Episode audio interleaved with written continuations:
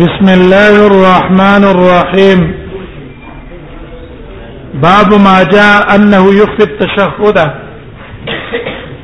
بعد بیان د دې کې چې تشهود سره وای نه په پټه به وای کار به نه وای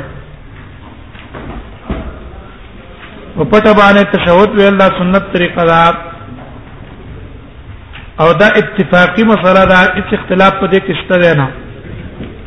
اتفاقی مسله د ټول علماو په دې باندې اتفاق دی د عبد الله بن مسعود نه روایت ته قال من السنه وې سنت طریقه دا ده ان يخفي التشهد چې سره تشهد په پټه باندې وړي تحیات الله په زور باندې نه بلکې په پټه باندې به وې دا سنت طریقه ده قال ابو عيسى امام ترمذی حدیث ابن مسعود حدیث حسن غریب به ول کې تاسو ویل چې پیغمبر او دا صحابي وي من السنه نو دا په منځله د مرفوع سنت نه مراد کوم سنتي سنت رسول الله صلی الله علیه وسلم چې د نبی صلی الله علیه وسلم سنت طریقه دار چې اخفاء تشهود په سره په پټه باندې وای والعمل عليهم د اهل العلم ټول علما په دې اتفاق ده چې تشهود په پټه باندې وې په جار په نه کې باب کې په جلوس په تشهود بعد باندې دې چې تشهود ته کېنه څنګه بکې تشهود کې دوه طریقې د ناشې دي یو ته ویل کې تورک دا خو او باسي خي چپ طرف ته او په کوناټي باندې کینې دې ته تورک وي دیم کیفیت د افتراش افتراش ته ته وي چې دا چپ په وګړې خي په اودره او په چپ په باندې کینې دې ته ویل کی افتراش چونکی احادیث په دې کې مختلف راغلي بعضو کې تورک ته بعضو کې افتراش ته نو د دې د وجنه د علماء اختلاف ته په کیفیت او په طریقه کې یو مذهب دی د احناف او د سفیان ثوری اغي وای چې په دوه قیدو کې کاوله قیدې او کدمه قیدې او کدو رکعاتیز مونږ او کدرې څلور رکعاتیز مونږ په دې ټولو کې افتراش دا سنت ده افتراش په کې څه ده دا سنت ده من غیر فرق بین التشهد الاول والثاني دی استدلال نه ولې اصل کې په هغه حدیث چې پاکه مطلقاً افتراش راغله ہے مطلقاً افتراش چې رسول الله صلی الله علیه وسلم مطلقاً افتراش کړه لکه مثلا د حدیث د ترمذی راوړي د وائل ابن حجر نه روایت ده قال دا وای قدمت المدينه واذا مدينه ترالم قلت لما اويل لانظرن الى صلاه رسول الله صلى الله عليه وسلم زبخامه قاغور منذ النبي صلى الله عليه وسلم ته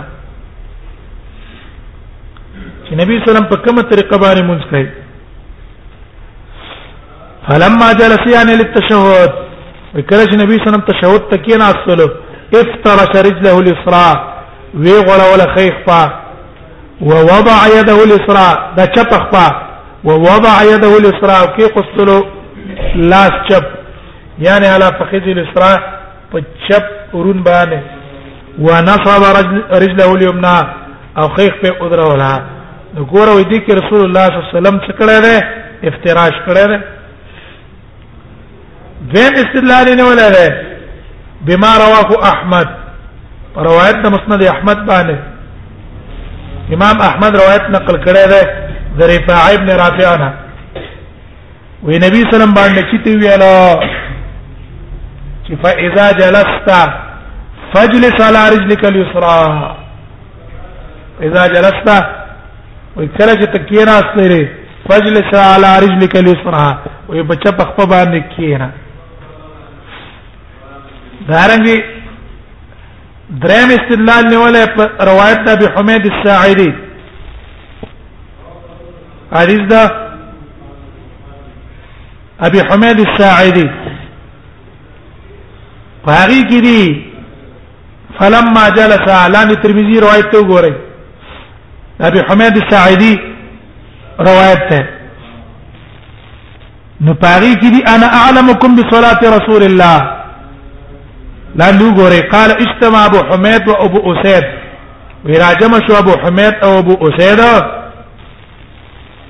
او سهل بن سعد ومحمد بن سلمه نو پاغي کې دي جلس یعنی للتشهد فافترش رجله اليسرى واقبل بصدر اليمنى على قبلته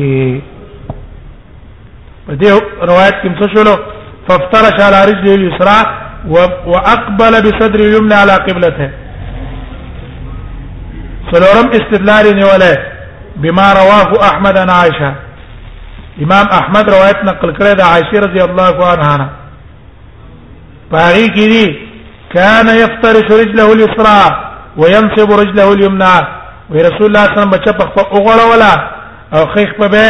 ودرولا طریقه د استدلال د دې دا ده دی وی ګوره وې دې راویانو چې د رسول الله صلی الله علیه وسلم دا طریقه نقل کړه ذکروها لبيان صفه الجلوس في التشهد د ذکر کړه دا د پار د کیفیت د طریقې د نبی صلی الله علیه وسلم د ناس په تشهود کې چې نبی صلی الله علیه وسلم په تشهود کې په دې طریقه ناس ته او ولم يقيدوه بالاول والثاني دې کې تقید نشته چې اوله قاعده کې د څه وکړو په دویمه قاعده کې د څه وکړو نه غیر د تقید نه ولو كانت مختصه بالاول وای کدی کې اول او دویم وې بیا به تشهود د نبی صلی الله علیه وسلم په اخرنی کې خو بیان کړی کنه او چې په اخر کې بیان نکو او نفس تشهود ویل نو شامل شو اورنی او دویم هم تا دویم دویم مذهب ده د شوافعو شوافع وایي چې نه په اوله قاعده کې په اوله قاعده کې افتراش سنت ده او په اخرنۍ قاعده کې تورک سنت ده اوله قاعده چې پاتې سلام نه پای کې څه سنت ته افتراش او چې اخرنه قاعده ده ته پکې سلام ګرځې نو که ذات اربع منځ دی او که دو منځ دی خو اره قاعده چې اخرنه یو سلام پکې ګرځي نو پای کې تورک سنت هغه قاعده چې په هغه کې سلام نه په هغه کې تشهد افتراش سنت ته دیو جن شوافع وای یسن التورک فی کل تشهد یسلم فیه هر هغه قاعده چې په هغه په صورت ته سلام ګرځي پای کې تورک سنت ده اگر که دو رکعات ورستو کې بل تشهود هم نه لکه سار مونږ سار مونږ کې هم تورک کې د جمعې مونږ سلام پکې ګرځي پکې هم تورک کې دی وای وای په اول کې افتراش سنت ده او په هغه قاعده چې پای کې سلام ګرځي پای کې تورک سنت ده په دې کې حکمت دا ده چې یو اقرب الی تذکر الصلاه تا ته مونږ را یاد چې ته افتراش کړی امام ته برا یاد شي ګورداز ما خرانه قاعده نه دره پښینستو منشتا پاتې دلی په ما موږ به تر یادې زم عدم اشتباه عدد الرکعات عدد رکعات په مشتبه نه پته وته لګي چې ما څو رکعات وکړه دوه مې کړې دي دوه رکعات رسته پاتې دي ځکه په څنا استه ما په افتراش نه استه او چې تورک یو کو نو پته وته لګي چې ما مونږ څه کړه پورا کړه سلام ګرځو بل وجه وإذا دا السنه تخفيف التشهد الاول وسنت طریقه دا ده چې اوله قاعده کې ته وګت کې نه نه ولې حدیث کې دي وي رسول الله صلی الله علیه وسلم اوله قاعده دو نظر کوله کانه على الربط گویا کې دا په ګرم کانو باندې ناشته ضرب پاتې سنت طریقه پای کې څه شو سنت طریقه پای کې وګدواله نشو لړواله شو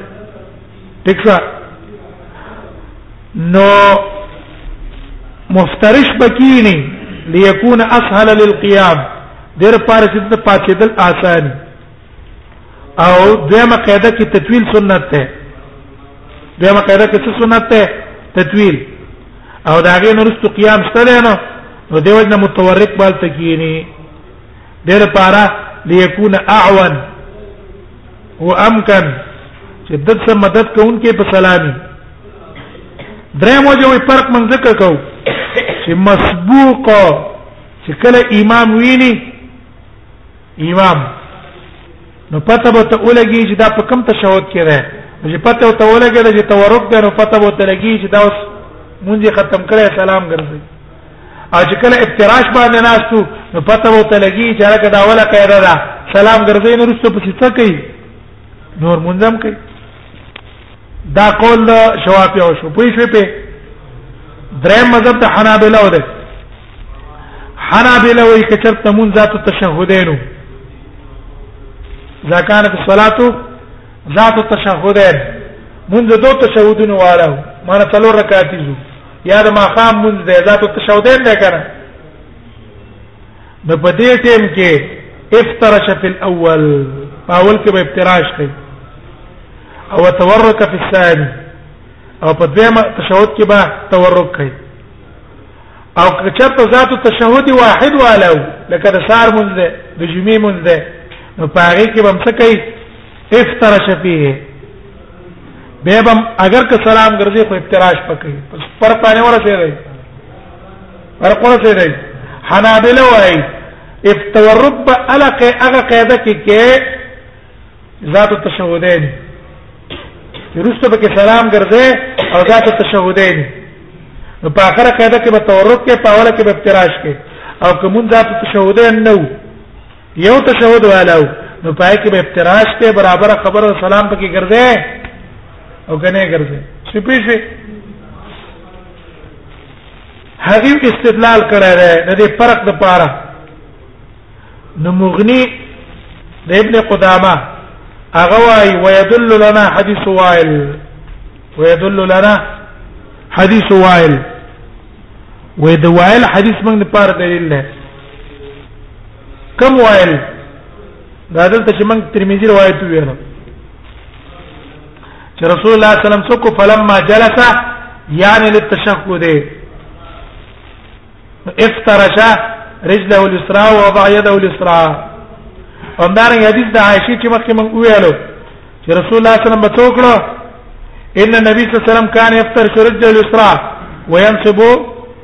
رجله اليمنى کوم چې روایت ته مسلم دی هغه مخکې مونږ بیان کو وې دا هغه نه معلوم چې په اوله قاعده کې افتراش پکار دی دی وسوي ګورا دا حدیث د وائل ابن حجر او حدیث د عائشه کې قاعده کلیه ده نه څه ده کې قاعده کلیه ده قاعده کلیه هغه د څه ده چې یقیان علی کل تشکد بالافتراش هر قاعده کولنی او کاخرنی پکې افتراش پکار دی لکه احناف چې څنګه قول کړه دا یو قاعده شپه کنه ولې پاتې څه نشته قید اول او اخر نشته نو یو قاعده کلیه شو چې هر تشهود کې افتراش پکار دی ها الا ما خرج منه مگر کم حدیث کې چې نبی صلی الله علیه وسلم پته ولګېدل چې په دې ځای کې تورک کړی التبه تورک کو او چې کم ځای کې تورک د نبی صلی الله علیه وسلم نقل نه التبه په کومه قاعده باندې عمل کو په دقه افتراش ته عائشی روایت او د ابو هريره د روایت د وائل ابن حجر روایت وې من چې وکتل نو په حدیث د ابي حمید الساعدي کې هغه داو چې رسول الله صلی الله علیه وسلم په څلور رکعاتیس کې صرف په اخرنی قاعده کې څه کړی دی څور کړی څلور رکعاتیس کې په اخره قاعده کې تورک کړه نو دقه صورت د ابي حمید الساعدي موږ د قاعده نه څکړو مستثنا کړو او اوم ویل چې تورک بکې په هر هغه قاعده کې چې څلور رکعاتي دي نو په اخرنی قاعده کې به تورک کې د وجد حدیث د ابي حمید الساعدي نه خبرونه رسېدې په دلیل حدیث د ابو هريره دا حدیث د وائل ابن حجر او حدیث د عائشه نه معلوم شو چې په هر قاعده کې بتکه ابتراج کوي ٹھیک شو لیکن حدیث د ابي حمید الساعدي کې چې موږ وکتل نو پاغې نه موږ معلوم کو چې رسول الله صلی الله علیه وسلم په څلور رکعات کې په اخره قاعده کې څه کړی دی تورک کړی نو دا چې موږ څه کړلو دا قاعده نه مستثنا کو نو کله د دې قاعده سره موافقو عمل به وکړو او کله دې سره برابر نو پاک خپل هم باندې به پریدو اوس په پیښوي وهذا القول هو الراجح او دا قول راجح دی دریم قول د مالکیانو دی مالکیانو په ټولو تشهود کې تورک سنت ته کاوله قاعده کې خر قاعده که سلام پکې ګرځي او که پکې نه ګرځي تشهود پکې څه ده دا تورک پکې سنت ده استدلال نیولې پر روایت د مالک امام مالک په موطا کې راوړل چې ان عبد الله ابن عمر يتربع و عبد الله ابن عمر په پلته کې ناستو په مانځ کې اذا جلس اے پلته باندې بکې ناستو دسه بکې ناستو پلته به واله او عبد الله ابن عمر عبد الله ابن عبد الله ابن عمر معنی عبد الله ابن عمر زوی دی هغه وای ففعلته وې زم د زوی سود پلار سود لري دلته امام د سکین استلم وانا یوم از حدیث حسین نو نه عمر والو پورا مسله را تنو معلومه خو د پلار می اولید له و میکړه فنهانی عبد الله وې پلار زمانہ کړم وقال انما سنت الصلاه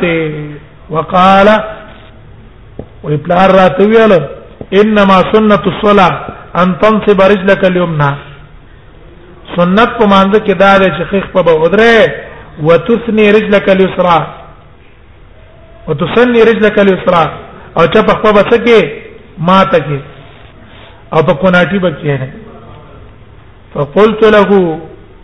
انك تفعل ذلك ما ته چې ته دا پلتې وې دا ولکه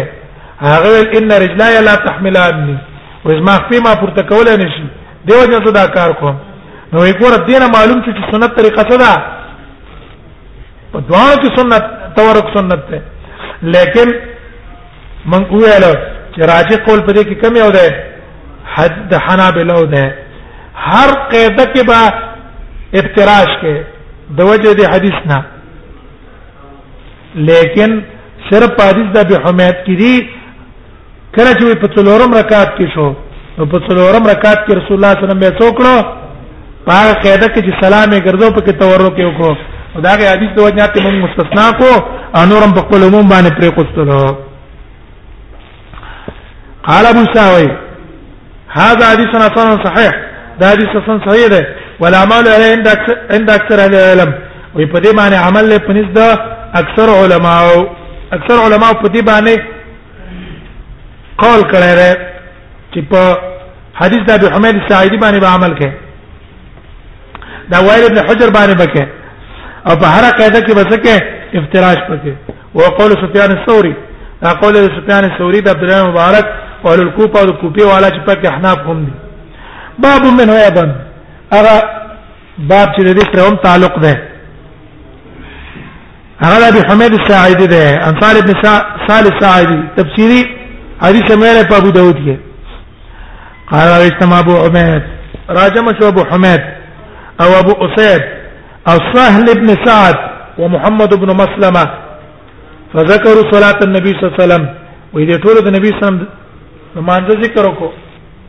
فقال ابو حميد پکې ویل انا اعلمكم بصلاه رسول الله صلى الله عليه وسلم زه په تاسو ټول کې خپويګم په مونږ نبی صلی الله علیه وسلم وې د نبی صلی الله علیه وسلم مونږ ما تخیات ته تاسو په نسبت ان رسول الله صلی الله علیه وسلم جلس دلته اخرنه خبر راوغسته کنه هغه نور کې تعلق نو وې نبی صلی الله علیه وسلم کینا سینه لته تشهود تشهود ته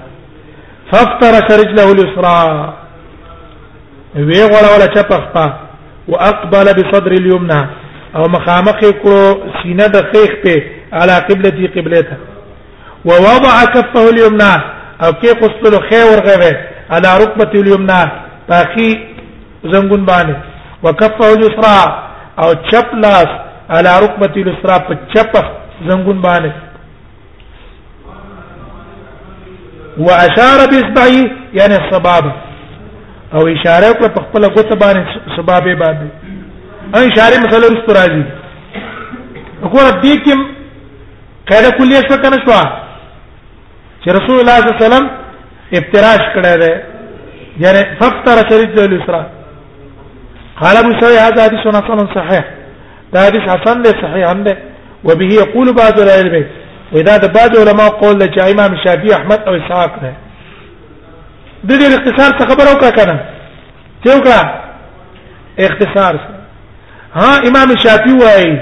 هر هغه قاعده چې پکې سلام ګرځي پکې به تورو کې هر هغه قاعده چې پکې سلام نه پکې به څه کې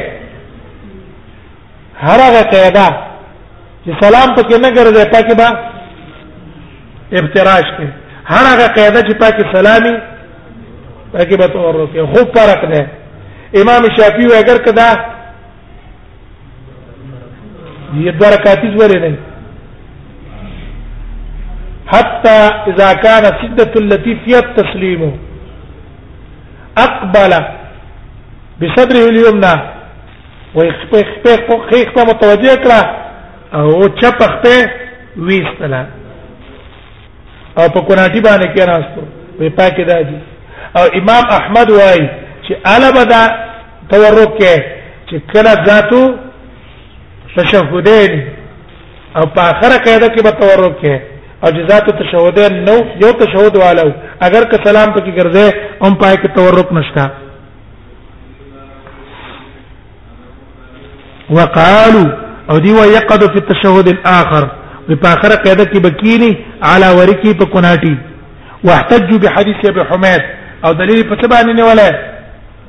په حدیث د ابي حميد باندې نیولای خدلته خو اختصار راکنه وګړه حدیث د ابي حميد کوم یو دی ابو داود کې تاسو ویلې هم د حدیث د ابي حمید چې کله تشلو فاذا قعد للتشهد کله چې هغه تشهد ته کې کېنا اثر چې کم کې سلام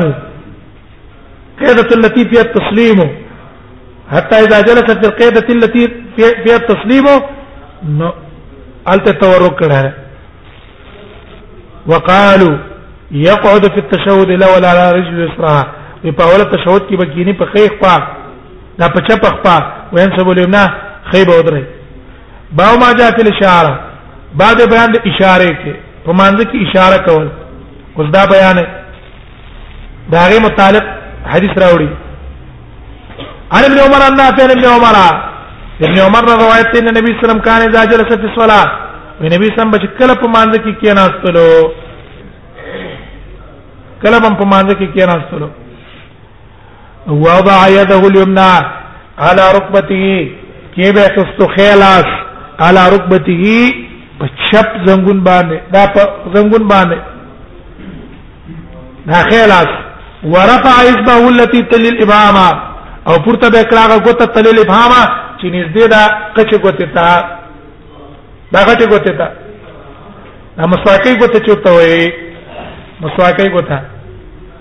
ودا به پورته کړه تلل امام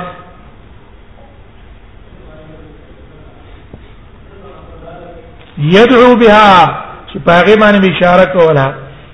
ويده اليسرى على ركبته او چپ لاس په کې خو په زنګون باسطه علی پاغه بغه کلاو کړو به غون کړو نو اخر به رموټه کړو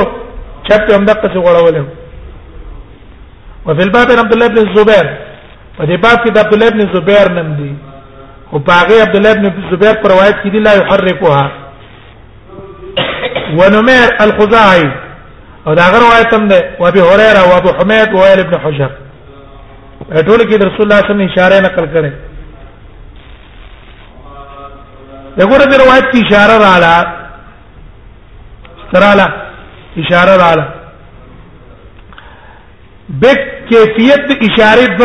د طریقې دی امام ترمذی هغه نه دی بیان کړی لیکن په کیفیت قبض کې اشاره کې دوه دي یو طریقه دا ده چې دا درې وانه کوتي بس کې راغونډې بکې او دا غټه ګوته برا اولګيږي د کچ ګوت سره به نږدې دلته کېږي بجنب المصبحه دا درې درا غونډه کړې او دا غټه ګوتې چرته کې غوڅلا بجنب المصبحه بجنب المصبحه د دې مصبحه په خوا کې به کېده د دې نه تعبیر راغلی دی کانه عاقد 53 درې پنځوس دا څه ده درې پنځوس عاقد شو دا یو طریقه ده دا یو کړو من دا طریقه لوانه غوته دا غونډه کړې کچه غوته نه غوډه ولا او دا غټه غوته دې بيخي نه غټه را غونډه دې نکړه لاړه لاړه چا سره کې خپلا بجنب المصبحه د دې تسبيح مسواکې غوته سره ذکر دې سره کې دا یو طریقه ده دویمه طریقه دویمه طریقه هغه ده چې نه را او بلګيږي دا غټه ګوته به د استاد رکیری استاد رې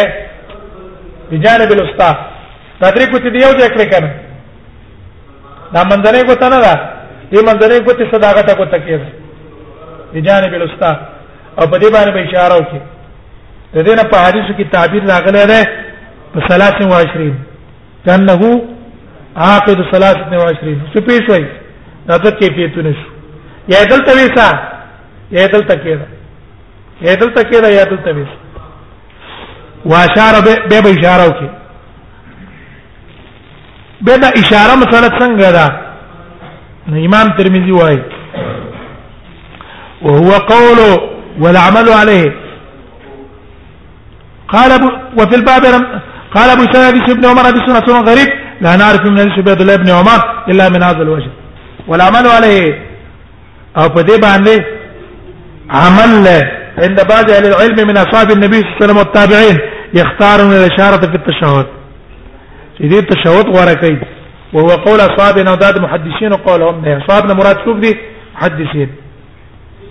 د استحباب الاشاره ائمه اربعه ټول متفق دي په استحباب د اشاره دا مستحبه ده هم په احناف کې بعض متأخرین قول د کراهت کړه لکه تنویر الابصار والا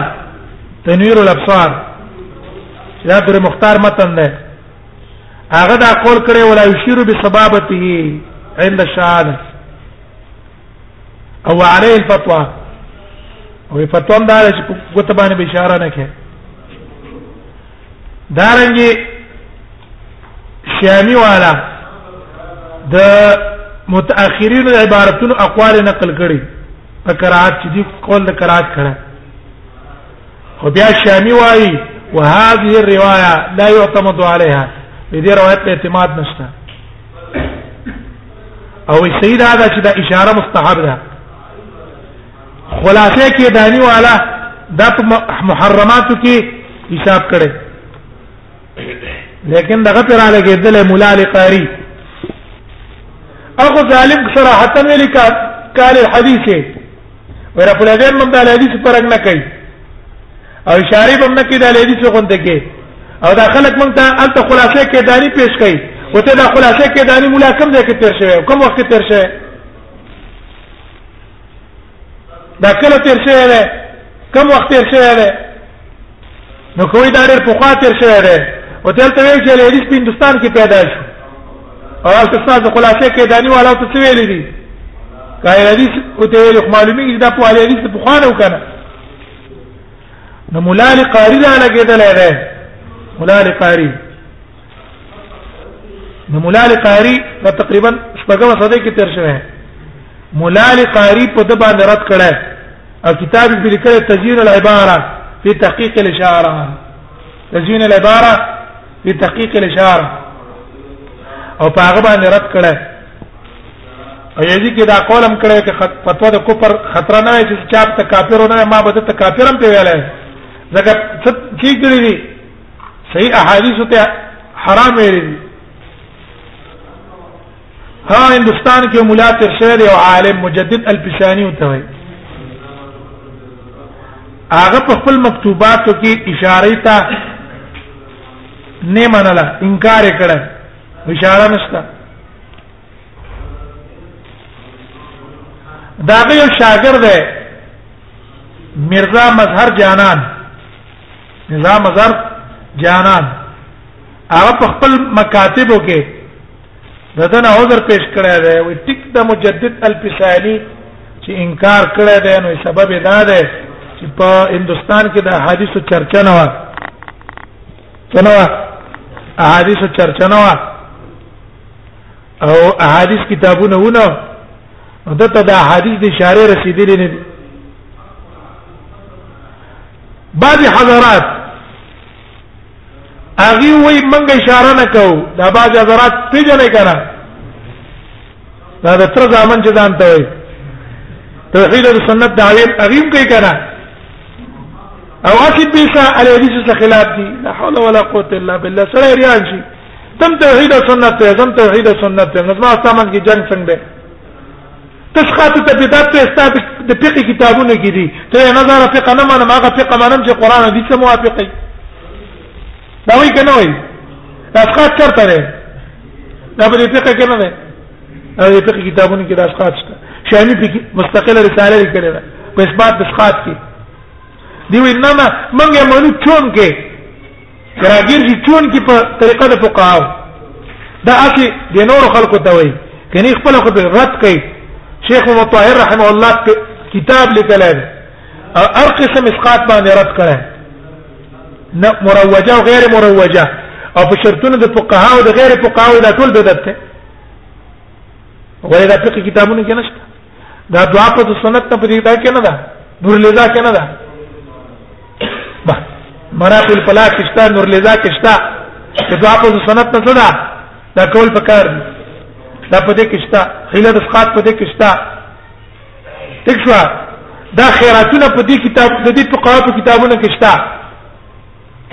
راولې ورځ خیرات ته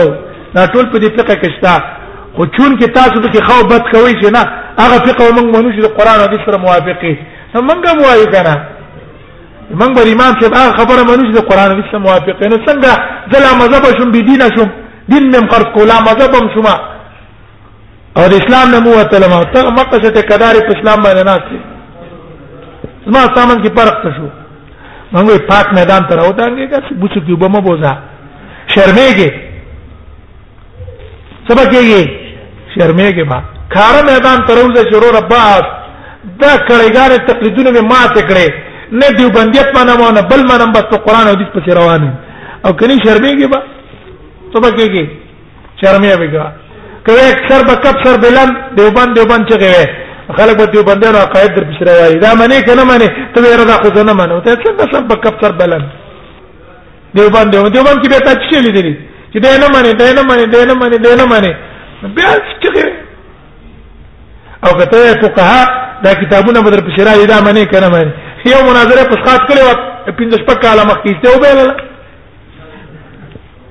ډیره زمانہ پس یو مناظره وکړه پس خاطر هغه هم دې بدعتان وګټل وای منه کنه منه و ير منو خو بشرطونو د فقهاو وای منګه بشرطونو د فقهاو منو استه اوسو مناله وی منل وی بلاله ولی بلاله به نشو ویله چې دا څنګه منم زه د قران او حدیث منم ولې کدي شوی چې قران او حدیث منم به قوابي شوی موږ کار میدان ته راوځي ورور قران او حدیث خبره کوه منګه منو او چې قران او حدیث نه څوک مخالف کاینه من کان منګه سره نه من زه خپل کار وکړي اواز کسان مش کتابونه راوبای چې اور خپل جاوی کې لیکلی او پلان کې لیکلی او پلان کې لیکلی صدیقان دا ویلې دي موږ یې صاحب وحید الزمان موږ امام صاحب له مونږ قران حدیث مقابل کې ټوله ګټه ګټه نه امام صاحب څه دی امام صاحب مذهب کې ګوره ټوله ګټه ګټه ده کونه وته لري کنه هیڅ باندې خو چې پاغه مذهب کې د سر د کوبه جامع المعقول والمنقول او شیخ القران او فلان دا دون القاب په تلګيږي چې دا القاب په ستا په یو غټ کندو کې نه راغونډيږي په دوه ټکو حدیث باندې پیږي او غټه لقب پتا ته او چون کې پاغه مذهب کې د سر ور منډل په روانه ځکه به د خلک متاوي نه همغه چې امام ونیفا چې ټوله ګټه ګټه ده تبلیغان به صفت کوي دیوبندیان مستانه تاویږي بریلان مستانه تاویږي ځکه مذهب کې بچلېږي کنه دا ټول بستا مشر به دي غني ځکه مذهب کې التم ورغله موږ هغه خبره مون قران هیڅ مقابل کې نه مانو چې دې قسم خان لا څوک دی وحید زمان لا څوک دی او کل جاوی لا څوک دی او بل لا څوک دی چې قران هیڅ مقابل کې موږ مانو خبره پېنه شوې زما خیال خبره نه وګدلا نو دا پاتې حضرات وي و اشاره موږ نه کوو موږ شیخ باندې کوله و شیخ باندې کوله و شیخ ورنه کوله هغه به ویل شره وي پدې کې مجدد الفسانی به روایتونه مسترب دي موږ ولا حول ولا قوت الا بالله چې استراب پکې ده مرزا مظهر جانان اگر عربي د خپل مجدد الفسائل عذر پیش کوي چې خیر ہے هغه د حدیث مخالف دشمن نه خو غریب ته حدیث نه رسیدلی امنګ راغلی پلان کې نه کړم موږ ځکه نه کوو کلار دې نه کوي پاکر حدیثونه پکې راغلي دا اشاره پکې رااله هم به اختلاف ده په کیفیت دي چې پوښي خبره کنه غرض مې داو چې چاته به نه ګورو کې شیخ کړي او کني کړي کله مشر کړي او کني کړي قرار دي نه کړي او چې محمد رسول الله صلی الله علیه وسلم ثابت شو من به کو هغه پسې بزو منګه سرک ډیر پاک دی ډیر پاک سرک روان دی ته تم څوک را ترافیش کی پلان کی دا خبره کړي منګه وایا دا عمل د حدیث نه خلاف دی کنه کاوی دا د حدیث نه خلاف دی کوم حدیث نه خلاف دی پلان کی حدیث نه خلاف دی ته ډیر خدای طرف ته ښه مشر مې نه منم اکرام کوم عزت کوم خود لارې نه سکا ریزي کې بچ طرف ته کا بس په چی د سره کور روان هر کاوت ته ګوره منه چې دا پلان کېره کاوت راکې پلان کېره زمونږه فرق پاک دی څوک ته پکې څه نه کیږي ترکتکم على المله الحنيفيه السمحه البيضاء ليلها كنهارها لا يزيغ عنها الا هالك من پاک سره دی ذکر کاوتونه کاوتونه راځي او نه څوک موږ تر کاوت راوستي شي نو اشاره احادیث کې ثابت ده ها کیفیت اشاره څنګه ده کیفیت اشاره نه کیفیت اشاره کې بعض علما وايي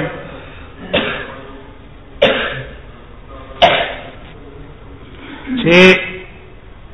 یشیر بها ويحركها اشاره به پکې او خزیبه تر دې چې تشهود نه شي فارغ شي بس دقه شي بشاره کوي تر خره پورې تشهود نه شي فارغ شو او اللهم صل پر سلام پورې معنی دا ده دا ظاهر احادیث هم دا معلومیږي چې رسول الله به اشاره کوله ادا مذهب د مالکیانو نه هغه مالکیان وي حرکت له لخي طرف او چپ طرف ته ورخي علت پکې دا ده چې دا د دې زړه تعلق ته اصل کې د زړه سره د ګوت تعلق دی دا ته خوځه د دې خوځېدل څه بستات به چي متنبه په ایمان ځته قبل په ایمان ناراض ها دا نور وای دغه وای او حدیث کې دا راځي چې د دې ګوتې خوځول لا په شیطان باندې ډېر سخت دی نبی صلی الله علیه وسلم فرمایي وی لهي اشد على الشیطان من الحديد ودا په شیطان باندې توري نم ډېر سخت ده بل روایت کې راځي دا روایت د احمد ده د بهقي روایت کې راځي وی رسول الله صلی الله علیه وسلم فرمایي تحریک الاصبع فی الصلاه مزعره للشیطان شیطان خپه کوي شوافی وی جنا لا اله دې سره به اشاره وکي خو خوځي بیان خوځي بیان به به مدقه ودرولي ودرولي درولي ٹھیک شو اخره پوره ولا الا اشهد الله اله دې څه پورته شي غره پورې به پری دی حرکت پورې نه ورته احناف وی چې نه اشهد الله نه پسره به پورته کی او الا الله سره به کی به تبه کی دي او حرکت بوله نه ورخه لیکن په دې باندې دې سره څه قوي دلیل د احادیث نه نشته قوی روایت دې سره د حدیثونو نشته بلکې روایت د عبد الله ابن عمر ده چې څنګه رسول الله صلی الله علیه وسلم کینا استلو الله څخه پورته کړل او په هغه باندې بشاره وکړه مستقبل دې